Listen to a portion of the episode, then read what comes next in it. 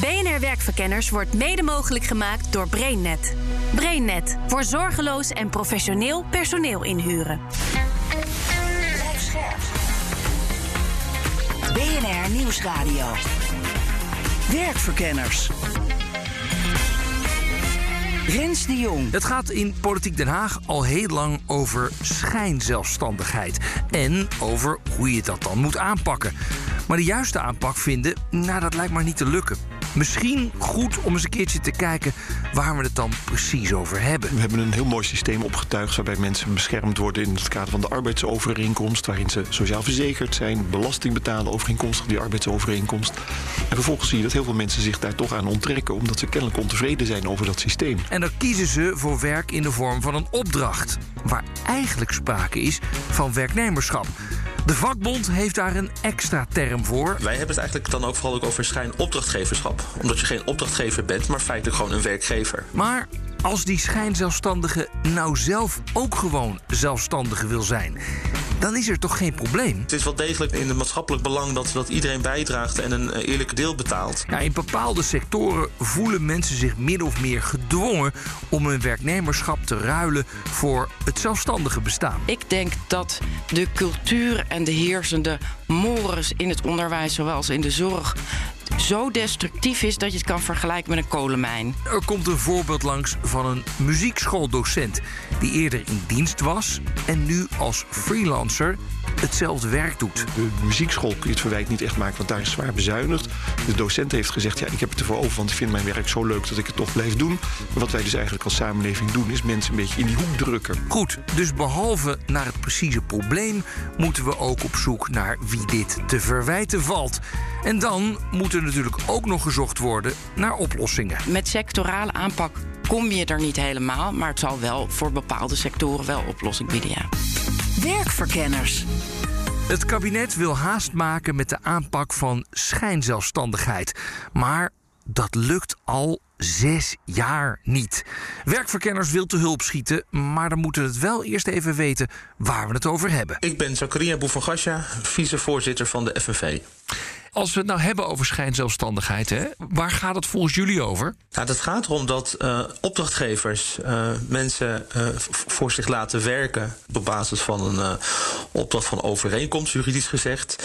Terwijl als je eigenlijk kijkt naar de praktijk van de invulling van het werk, dat er geen sprake is van zelfstandig werk, maar gewoon van werknemerschap. En daaraan heb je het over schijnzelfstandigheid. De Rekenkamer heeft het eigenlijk over twee dingen. Je hebt het aan de mensen die weinig verdienen. Hè, dan hebben we het over de taxis de bezorgers in de bouw.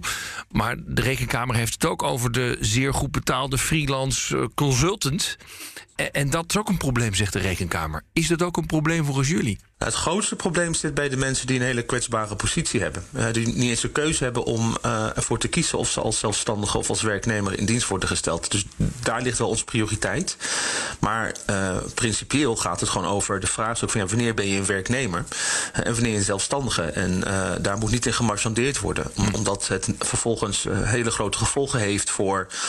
Uh, onze belastinginkomsten, uh, voor onze sociale zekerheidsstelsel. Uh, dus wij vinden dat per definitie voor iedereen helder moet zijn wanneer er sprake is van zelfstandig werk. Ja. En wanneer je gewoon volgens het arbeidsrecht een werknemer bent. Ja, want de Algemene Rekenkamer zegt ja, aan laten we zeggen, die goed betaalde mensen verliezen we gewoon geld voor de schatkist. Exact. Hè. Dus uh, in die zin uh, geldt het dus ook voor uh, de zelfstandige of de schijnzelfstandige, waarvan je kunt zeggen, ja, daar, daar, is eigenlijk geen sprake van zelfstandig werk, want die zijn gewoon in dienst. die vallen onder het gezag van de pseudo-opdrachtgever. Dat het ook wel van belang is voor de schatkist dat ook zij vanuit solidariteit meebetalen qua premieinkomsten en ja. loonbelasting.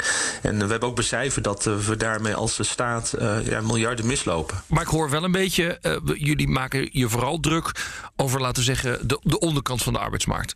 Je ziet dat daar met name de, de, de, de groei van schijnzelfstandigheid in de loop der tijd ontzettend is toegenomen. Hè. Dus je ziet uh, hele concrete gevallen van werkzaamheden die voorheen gewoon onder het arbeidsrecht vielen, hè, gewoon onder uh, een CAO vielen. Uh, als je het hebt over de bezorgingssector, als je het hebt over ja, ook mensen in het onderwijs en zorg.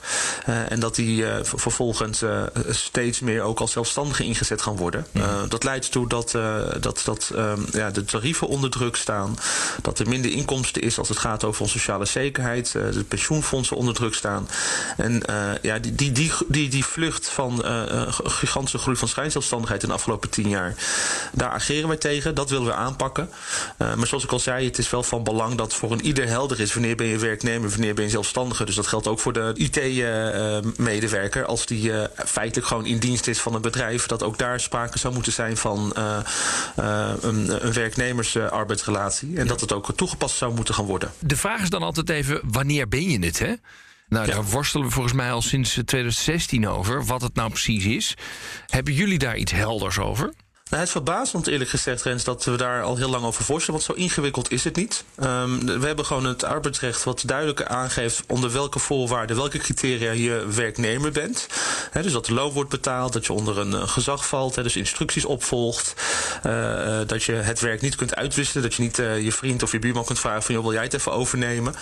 Um, en wij hebben ook de nodige juridische uitspraken ontlokt, waarin dat eigenlijk wordt bevestigd. en daar ook nog aan wordt toegevoegd van dat je vooral ook moet kijken naar uh, de invulling van het werk. Dus niet kijken wat er op papier is afgesproken, maar hoe, hoe pakt het uit in de praktijk? En dan zie je eigenlijk dat het niet zo ingewikkeld is uh, om uh, te kunnen bepalen wanneer er sprake is van echte zelfstandig werk en wanneer niet. Alleen het probleem is, is dat de overheid het nalaat om daar dan ook op te gaan handhaven. En, en, dat zorgt ervoor dat we nu al zes jaar in een soort situatie zitten dat er niet wordt gehandhaafd.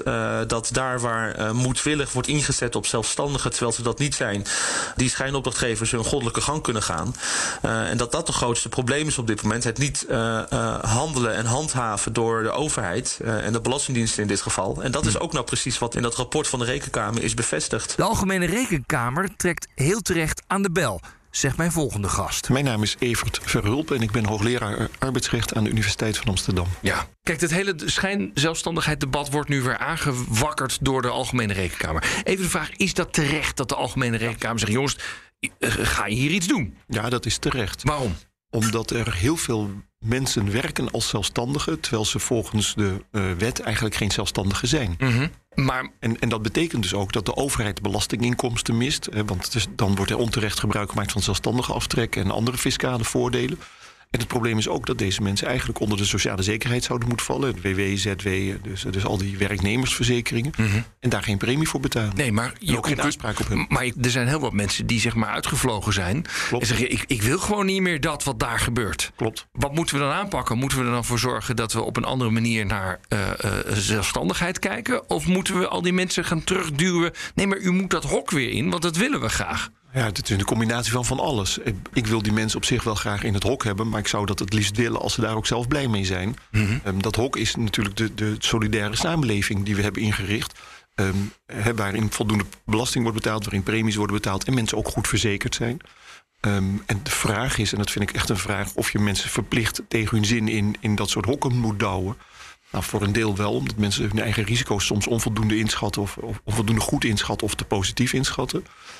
Maar ja, dat is wel heel paternalistisch. Dus daar zouden we eigenlijk als samenleving een goede discussie over moeten voeren. Of we dat nog steeds zo vinden. Of we vinden dat die verplichtingen allemaal op mensen moeten worden opgelegd. Ja, maar, maar nu is dit niet ook precies het punt.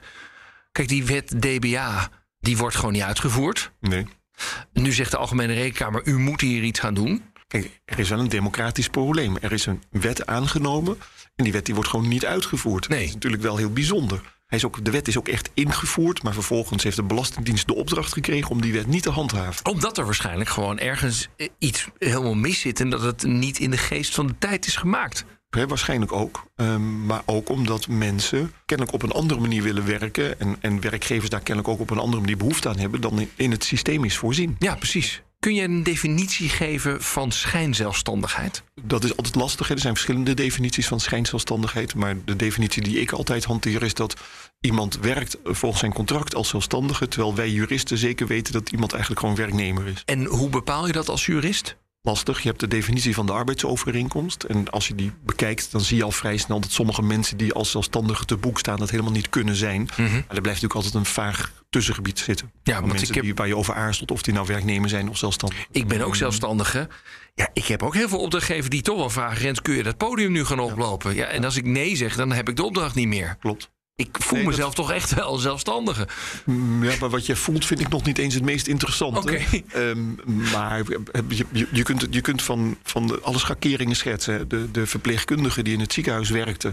eh, op vrijdag ontslag neemt en op maandag terugkomt als zelfstandig... en precies hetzelfde blijft doen. Daarvan weten we eigenlijk allemaal wel, inclusief het ziekenhuis... en inclusief die verpleegkundige, dat dat eigenlijk gewoon werknemerschap is... en dat iemand zich daaraan onttrekt. Dat, daar kunnen maatschappelijk gezien best fatsoenlijke argumenten voor zijn. Maar we weten vrij zeker, zo iemand blijft gewoon werknemer. Eh, en aan de andere kant heb je natuurlijk de, de, de presentatoren van radioprogramma's... die af en toe worden ingehuurd om een klus ergens te doen... een dagje te presenteren. Waarvan, ja, op zich, op zich krijgen die ook opdrachten. Die kunnen niet leuk gaan staan vertellen wat ze willen. Want die moeten natuurlijk een beetje passen in het kader wat is geschetst. Ja. Ehm, maar dat die ondergeschikt zijn, zal niemand betogen. Ja. Nou, wat, wat ik altijd als criterium gebruik, dat is juridisch niet heel erg duidelijk, maar werkt wel een beetje, is als iemand onderdeel is van de organisatie waarvoor die werkt, echt onderdeel daarvan uitmaakt, dan is die ook in dienst. En mijn laatste gast denkt net iets anders over het handhaafadvies van de Algemene Rekenkamer. Ik ben Roos Wouters en ik ben directeur van de werkvereniging. eh, de belangenbehartiger van modern werkenden. Mensen die niet langer 40 jaar eh, voor dezelfde werkgever willen werken. En dus ook niet meer in het traditionele hokje werkgever of werknemer passen. Ja, de Algemene Rekenkamer heeft gezegd: joh, jullie hebben een wet ingevoerd in 2016. Daar wordt al jarenlang niet op gehandhaafd. Het wordt wel een keertje tijd. Ja. Wordt het eigenlijk een keertje tijd of niet? Nou, zoals hij nu is niet. Iedereen eh, die in de markt met, onder, door eh, ZZP'ers of die zogenaamde schijnzelfstandigen zou werken, zegt ja, dit, dit werkt niet.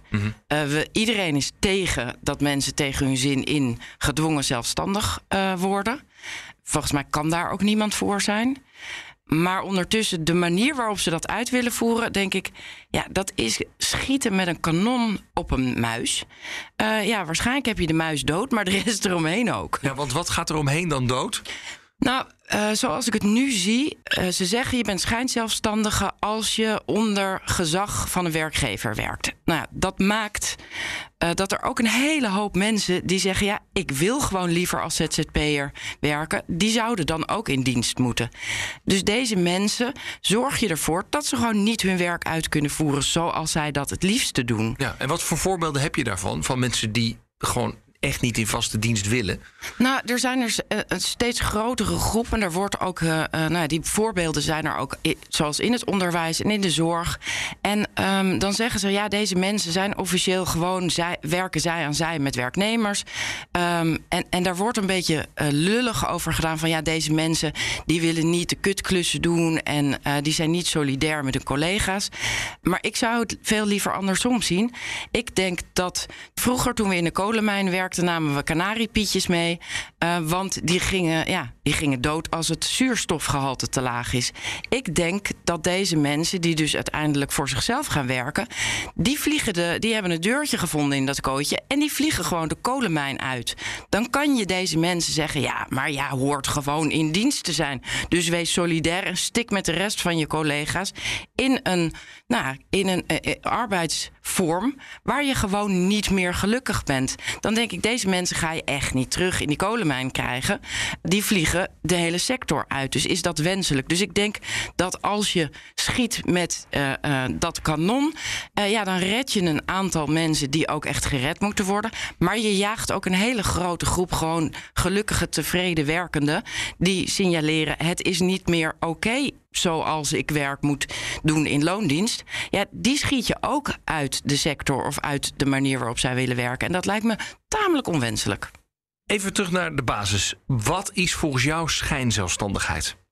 Nou, eigenlijk wat mij betreft is schijnzelfstandigheid vergelijkbaar met schijnwerknemerschap. Je doet iets op een manier eh, waar je zelf niet voor kiest. Dus als je gedwongen wordt om in loondienst te zijn terwijl je daar niet blij van wordt, dat zou ik een schijnwerknemer willen noemen. En een schijnzelfstandig is iemand die wordt gedwongen om eh, voor eigen rekening en risico een beroep uit te voeren waarvan hij zegt: ja, ik wil helemaal niet voor eigen rekening en risico werken. En, en dat laatste, dat wil jij van de Vereniging van Modern Werkenden ook niet, als ik jou goed begrijp. Zeker niet. Nee, ik, ik wil uh, dat mensen eigenlijk dat de wens hoe mensen willen werken weer leidend wordt. Wat hebben mensen nodig om zo lang mogelijk, zo goed mogelijk en zo gezond mogelijk te werken? Ja, dat is een vangnet. En tegelijkertijd is dat tegenwoordig steeds meer flexibiliteit om je werk in te vullen. We zijn, het aantal kenniswerkers is gigantisch toegenomen. Als we nou iets weten van kenniswerkers, is dat ze behoefte hebben aan autonomie. En niet alleen kenniswerkers, uh, maar vooral deze groep. Ja, als je die heel ouderwets hiërarchisch blijft micromanagen, ja, dan zullen die mensen eieren voor hun geld kiezen en zeggen: Nou, doe mij dan maar wat meer risico en wat minder micromanagement. Ja. Dus ik noem deze mensen ook heel vaak hiërarchisch of uh, ja, bureaucratisch vluchtelingen. Ze houden van hun vak, ja. maar niet van alles wat daar omheen geregeld wordt. En ik denk, ja, deze mensen stemmen met hun voeten, die gaan gewoon weg als de sfeer niet meer leuk is in dienst. Straks op zoek naar oplossingen zou het bijvoorbeeld een idee zijn om het pensioen en de sociale verzekeringen te koppelen aan je BSN in plaats van aan je arbeidscontract. Ik vind het op zich een aantrekkelijke gedachte, maar ik zie een paar problemen. Rens de Jong. Eerst maar eens even een beeld krijgen van de schadepost die schijnzelfstandigheid met zich meebrengt. Wat maakt dit verschijnsel zo kwalijk dat er moet worden gehandhaafd? Vraag ik aan hoogleraar arbeidsrecht Evert Verhulp. Wat ik ingewikkeld vind is dat in een democratie worden regels gehanteerd. En die regels die gelden dan ook voor iedereen. En de minderheid die daar niet mee eens is, die heeft, die heeft dan pech. Mm Dat is eigenlijk wat er in democratie gebeurt. En je mag hopen dat die meerderheid die die beslissing heeft genomen rekening heeft gehouden met de belangen van de minderheid. Loonoptaling bij ziekte is een heel democratisch proces geweest. Uh, werkgevers, de grote werkgevers, vinden het ook een prima regeling. Hebben, hebben echt niet de behoefte om dat te veranderen. De kleine werkgevers met name lopen daar tegen te hopen. En dat begrijp ik ook heel goed wat je zou willen is dat de arbeidsovereenkomst voor onbepaalde tijd gewoon weer een aantrekkelijk instrument wordt. En als, als dat woord te belast is, dan gaan we vanaf nu de werkovereenkomst noemen of de, de samenwerkovereenkomst. Dat maakt niet uit. Waar het mij om gaat, is dat het pakket dat we met z'n allen hebben afgesproken, wel een beetje solidair gehandhaafd moet blijven. En op het moment dat je mensen het toestaat om zich te onttrekken, aan de ene kant, aan de onderkant, omdat mensen daar juist behoefte hebben aan die zekerheid, aan de bovenkant, omdat mensen juist daar moeten meebetalen aan die solidariteit. Als je dat toestaat dat dat gebeurt, dan valt het systeem in duigen. Ja. En uiteindelijk hebben we dan gewoon een samenleving waarbij mensen echt letterlijk in de goot liggen. Nou, dat, dat, is niet de samenleving waar ik mij op verheug. Ja. En welke problemen ontstaan dan nu bijvoorbeeld in de zorg en het onderwijs? Nou ja, de meerdere. Het, het, het hoofdprobleem is er is een tekort aan personeel. Het tweede probleem is dat in de zorg de cao's gestandaardiseerd zijn. Dat betekent dat verpleegkundigen niet meer kunnen verdienen dan in de cao's overeengekomen. En een verpleegkundige die toch al heel veel administratieve last heeft en het werk eigenlijk niet zo uitdagend meer vindt, die ontdekt al snel dat als zij zich als zelfstandige meldt, die CO niet geldt en er dus een hogere uurtarief kan worden betaald, terwijl je ook een deel van de klussen niet meer hoeft te doen. Nou, dat hangt niet samen met die arbeidsovereenkomst, want die klussen niet meer doen kun je ook met je werkgever afspreken. Maar heel veel werkgevers zeggen, ja dat doen we niet, want we verdelen die lasten, die administratieve minder leuke klussen onder al het personeel. Ja. Ja, maar eigenlijk is dat slecht werkgeverschap. Ja, maar ja, goed, maar op wie moeten we dan zitten wachten, denk ik dan? Als, als... Ja, kijk, zolang er een tekort aan personeel is, zul je ook zien dat sommige mensen een creatieve oplossing vinden om hun arbeid toch op de arbeidsmarkt aan te bieden onder nou, zonder dat alle regels waar zij soms last van hebben worden toegepast. Mhm. Ehm, maar wat je uiteindelijk wil is dat een werkgever zo flexibel is dat hij tegen werknemers zegt: Nou, luister eens even, ik, u bent bij mij in dienst. U kunt twee dingen doen, want u wil die administratieve taken niet meer doen. U kunt morgen als zelfstandig terugkomen, maar dat, dat doen we niet. Maar ik kan u wel toezeggen, als u werknemer blijft, dan proberen we die administratieve taken op een andere manier te verdelen of weg te werken. Of dan gaan we daarmee aan de slag. Ja. En dus de beroepsinhoud als zodanig kan eigenlijk nooit een argument zijn om als zelfstandige te gaan werken. Want wat daar gebeurt kun je ook als werknemer regelen. Ja, en toch gebeurt het. Ik weet het weet het. Maar dat komt uiteindelijk omdat die werkgevers daarin te halstarrig zijn. Ja, voor de FNV is het grote probleem juist dat er niet wordt gehandhaafd, zegt Zakaria Bouvangatja. Als je niet handhaaft op regels, dat is volgens mij uh, de bel aan de wortel van de rechtsstaat. Hè. Dus op het moment dat je moedwillig, hè, want daar gaat het met name om, willens en wetens mensen niet in dienst neemt, omdat je toch goedkoper uit bent. Hè. Want vaak is dat de prikkel om te kiezen voor uh, zelfstandigen, met name aan die onderkant van die arbeidsmarkt. Want je hoeft geen premie te betalen, geen pensioen. Uh, als een zelfstandige uitvalt, dan ben je daar niet verantwoordelijk voor als uh, pseudo-opdrachtgever. Ja, dat is problematisch uh, voor de mensen om wie het gaat en voor ons als samenleving. En als je dat dus gewoon toestaat als overheid en dus niet gaat handhaven, zelfs daar waar het gewoon uh, duidelijk is en evident is, en zelfs ook juridische uitspraken liggen dat er sprake is van schijnzelfstandigheid, ja, dan, dan verzaak je gewoon als overheid. Dan, dan, dan pak je niet je overheidstaak op door toe te zien op het toepassen van de juiste regels. Hè. Stelt u eens voor dat, dat jij en ik een, een, een, belasting moeten betalen, een blauwe briefje op de bus krijgen, en, maar dat niet doen en, en daar ook gewoon mee wegkomen. Ja, en wij snappen niet dat de overheid dat gewoon toestaat. En, en, ze hebben er zelfs belang bij, want daarmee kun je er ook voor zorgen dat er voldoende inkomsten komen uh, met betrekking tot die schijnzelfstandigheid, zodat de loonpremie worden, loonbelastingen worden betaald, premies worden betaald. Over hoeveel mensen hebben het die echt aan de onderkant van die arbeidsmarkt zitten en, en echt slachtoffer zijn van die schijnzelfstandigheid volgens jullie? Nou, het is de vraag of zij zich als, als slachtoffer uh, voelen. Hè? Dus je ziet ook dat um, een, een, deel van uh, de issue ook is dat ze eigenlijk op basis van de tarieven die ze krijgen, denken van nou op zich is dat niet verkeerd. Nee. Hè, dat maakt het dan ook weer interessant om te werken als zelfstandige. Dat zie je in de horeca, dat zie je in de, in de, in de, in de maaltijdbezorging. Maar tegelijkertijd, als je wat, wat meer verdiept in uh, ja, wat ze eigenlijk betaald zouden moeten krijgen en mislopen aan verzekeringen en premies, zijn ze eigenlijk vele malen uh, slechter af. Hè? Maar dat is dan ook wel iets wat, wat goed uitgelegd moet gaan worden. Wel interessant. Niet iedereen ziet het als een probleem. Dan is natuurlijk de vraag van, ja, moeten we er dan een groot probleem van maken? Nou, dat is dan de solidariteit en ook wel het landsbelang, zeg ik het maar. Uh, als het gaat over um, hoe zorgen we ervoor dat, dat, dat uh, iedereen goed verzekerd is, goed beschermd is, evenredig bijdraagt aan de belasting. Hè, omdat we met dat geld ook weer moeten investeren in, in goede wegen, uh, in zorg en goede scholen.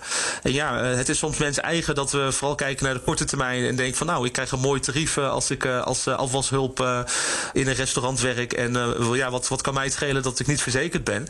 Maar we hebben juist onze hele collectiviteit en sociale zekerheid in de loop der tijd opgetuigd. Juist ook om mensen die misschien nu denken dat hen nog niks overkomt of dat ze niet werkloos geraken.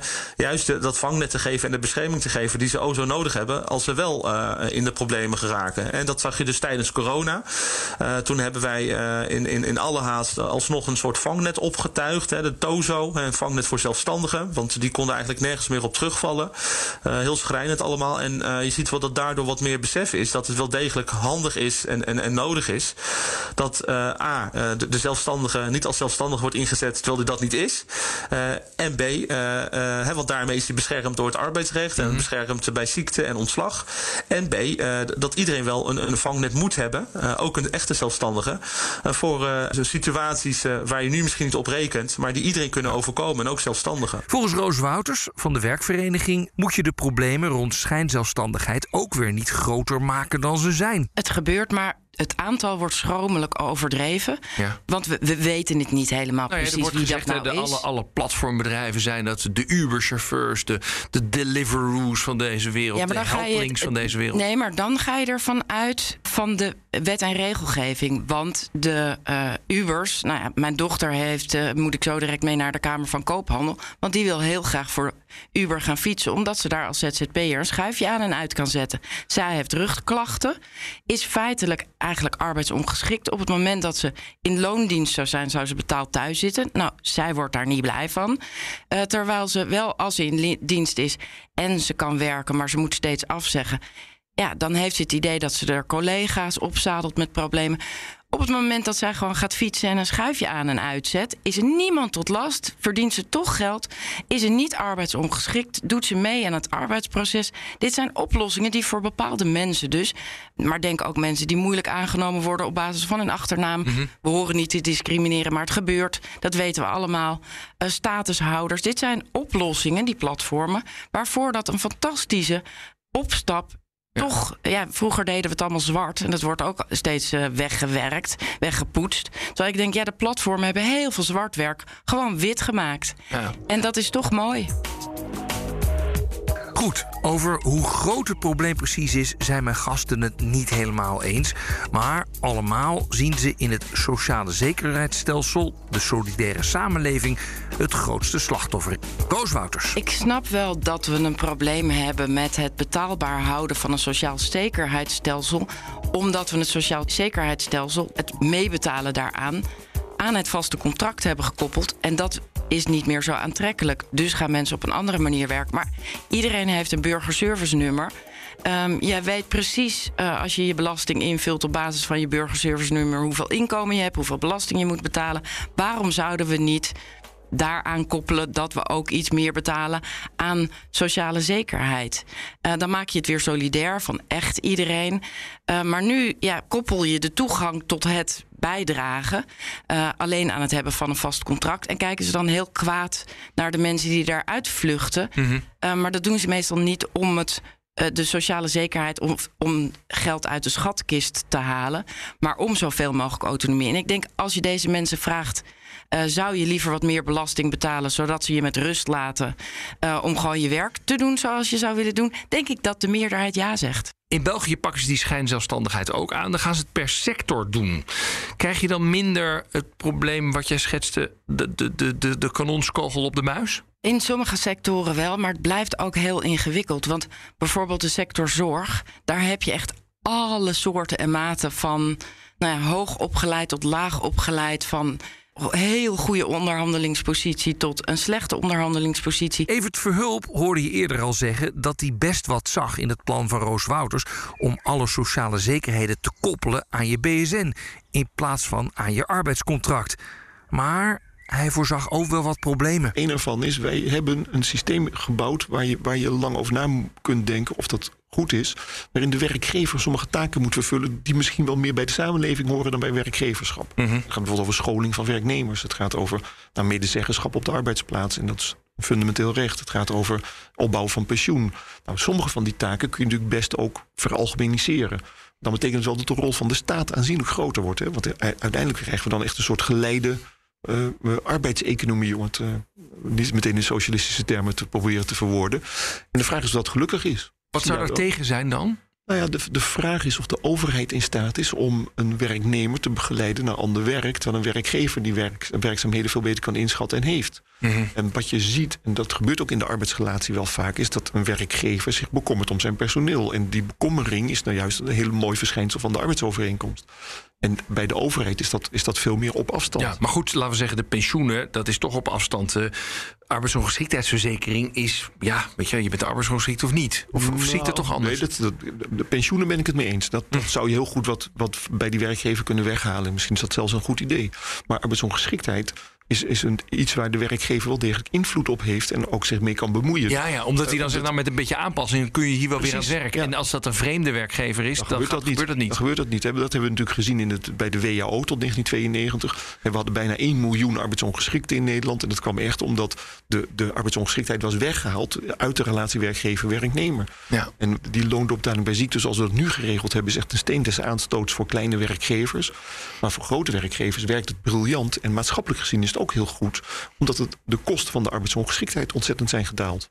In België gaan ze die schijnzelfstandigheid sectoraal aanpakken. Moet je dat sectoraal gaan aanpakken of stapsgewijs of wat dan ook? Nou ja, het ministerie van Sociale Zaken heeft gesprekken gevoerd in de sectoren. Hè, om te kijken wat nou de problematiek, de specifieke sectorale ZZP-problematiek is. Mm -hmm. En ik vind die sectorale aanpak op zich wel een verstandige.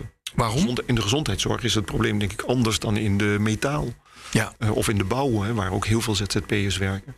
En ik, ik denk dus dat een sectorale aanpak kan helpen. Dat speelt ook omdat ik het toch heel erg lastig vind om te bedenken hoe iemand in de gezondheidszorg, uh, in, in reguliere organisaties, hè, dus in ziekenhuizen, hoe daar als zelfstandige kan werken. Ja. Dat, is, dat is juridisch gewoon lastig vorm te geven. Dus dat zal minder vaak gebeuren dan bijvoorbeeld in de bouw, waar het juridisch makkelijker vorm te geven is. Zakaria Bouvangatja deelt de angst van veel zelfgekozen zelfstandigen niet dat ze allemaal over één kam geschoren worden. Namelijk die van schijnzelfstandigen. Kijk naar het aard van het werk. Hè, en uh, daar hebben we regels voor om ook die toe te, goed toe te passen. En uit die regels blijkt of je wel een zelfstandige bent of niet. En ik vind, en ik zeg dat de echte zelfstandige zich ook geen zorgen hoeft te maken.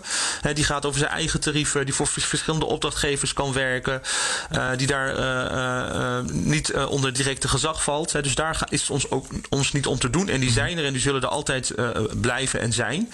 Maar daar waar echt sprake is van het zijn van werknemer, niet kunnen gaan over je eigen tarieven, ehm, niet kunnen gaan over waar en wanneer je het werk doet, dat je ook niet je werk een keer door iemand anders kunt laten doen, ja, dan ben je werknemer. En dan heb je ook het recht om te beschermd te worden voor al die ondernemersrisico's die bij de werkgever horen en niet op het bordje van de schijnzelfstandigen worden gegooid. En daar moeten worden gehandhaafd. En denk je niet dat je, want je gaat namelijk altijd een discussie krijgen over de grens, dat je dat kunt oplossen door te zeggen: laten we nou bijvoorbeeld al die dingen waarvan je zegt, ja, dat wordt op mensen afgewenteld en dat willen we niet. Zoals uh, gezondheidsrisico's, arbeidsongeschiktheidsrisico's, pensioenrisico's. Laten we dat nou koppelen niet aan het contractvorm dat je hebt, maar bijvoorbeeld aan je BSN-nummer zodat je dan gewoon zegt, ja, iedereen heeft dat in Nederland. Dus we hoeven niet meer deze hele heen en weer discussie te hebben. Dan, je, je komt een eind. Het enige wat dan bijna nog zou missen, even heel, heel, heel, heel plat, is de ontslagbescherming. Van hoe ga je ermee om op het moment als er geen werk meer is uh, en, en je zonder werk komt te staan. En daar hebben we ook het arbeidsrecht voor. Hè, dat je beschermd bent uh, bij ontslag. Uh, dat daar ook regels voor zijn om willekeur te voorkomen. Ja, dat is wel een heel belangrijk element. En ja, als we dat ook nog regelen voor de zelfstandigen, dan zijn we er. Maar ja, dan ben je eigenlijk gewoon een werknemer in de zin van het arbeidsrecht. Ja, maar goed, weet je, kijk, want kijk, al die andere dingen, ik ben het met je eens. Van je pensioen kunnen mensen niet overzien. Arbeidsongeschiktheid kunnen mensen absoluut niet overzien. Het feit dat je zegt, ik kom wel weer aan nieuw werk. Nou, weet je, dat mogen we toch wel bij die mensen zelf neerleggen als ze dat zelf willen. Ja, en toch heb je de afgelopen coronacrisis gezien hoe kwetsbaar het is op het moment als je een zelfstandige bent, zonder dat je echt eh, een zelfstandige bent en aan je lot wordt overgelaten. En dat is nou precies wat de Uber-chauffeurs merkten. dus uh, nog even los van het feit dat ze niet gingen over tarieven, dat ze door de hele app van Uber gestuurd werden. dus daarmee eigenlijk via um, een algoritme een, een, een, een, een sturing hadden, daar weinig grip en autonomie op. Um, ja, dat ook tijdens de crisis al het werk wegviel. En Uber, die uh, goed aan zijn heeft verdiend, die stond daar niet als ja, maatschappelijk verantwoordelijke op opdrachtgever of zelfs werkgever in dit geval. Want ja, de mensen werden aan een lot overgelaten. En wij hebben als samenleving nog dan snel een, een, een vangnet moeten optuigen waar ze dan op konden terugvallen. En daar gaat het ons om. En we vinden dat die mensen juist de bescherming genieten die het arbeidsrecht biedt. Nou goed, samenvattend. Er zijn zelfstandigen die daar niet zelf voor kiezen en die bescherming zouden moeten krijgen. Voor hen zou de overheid nu eindelijk eens een keertje moeten handhaven.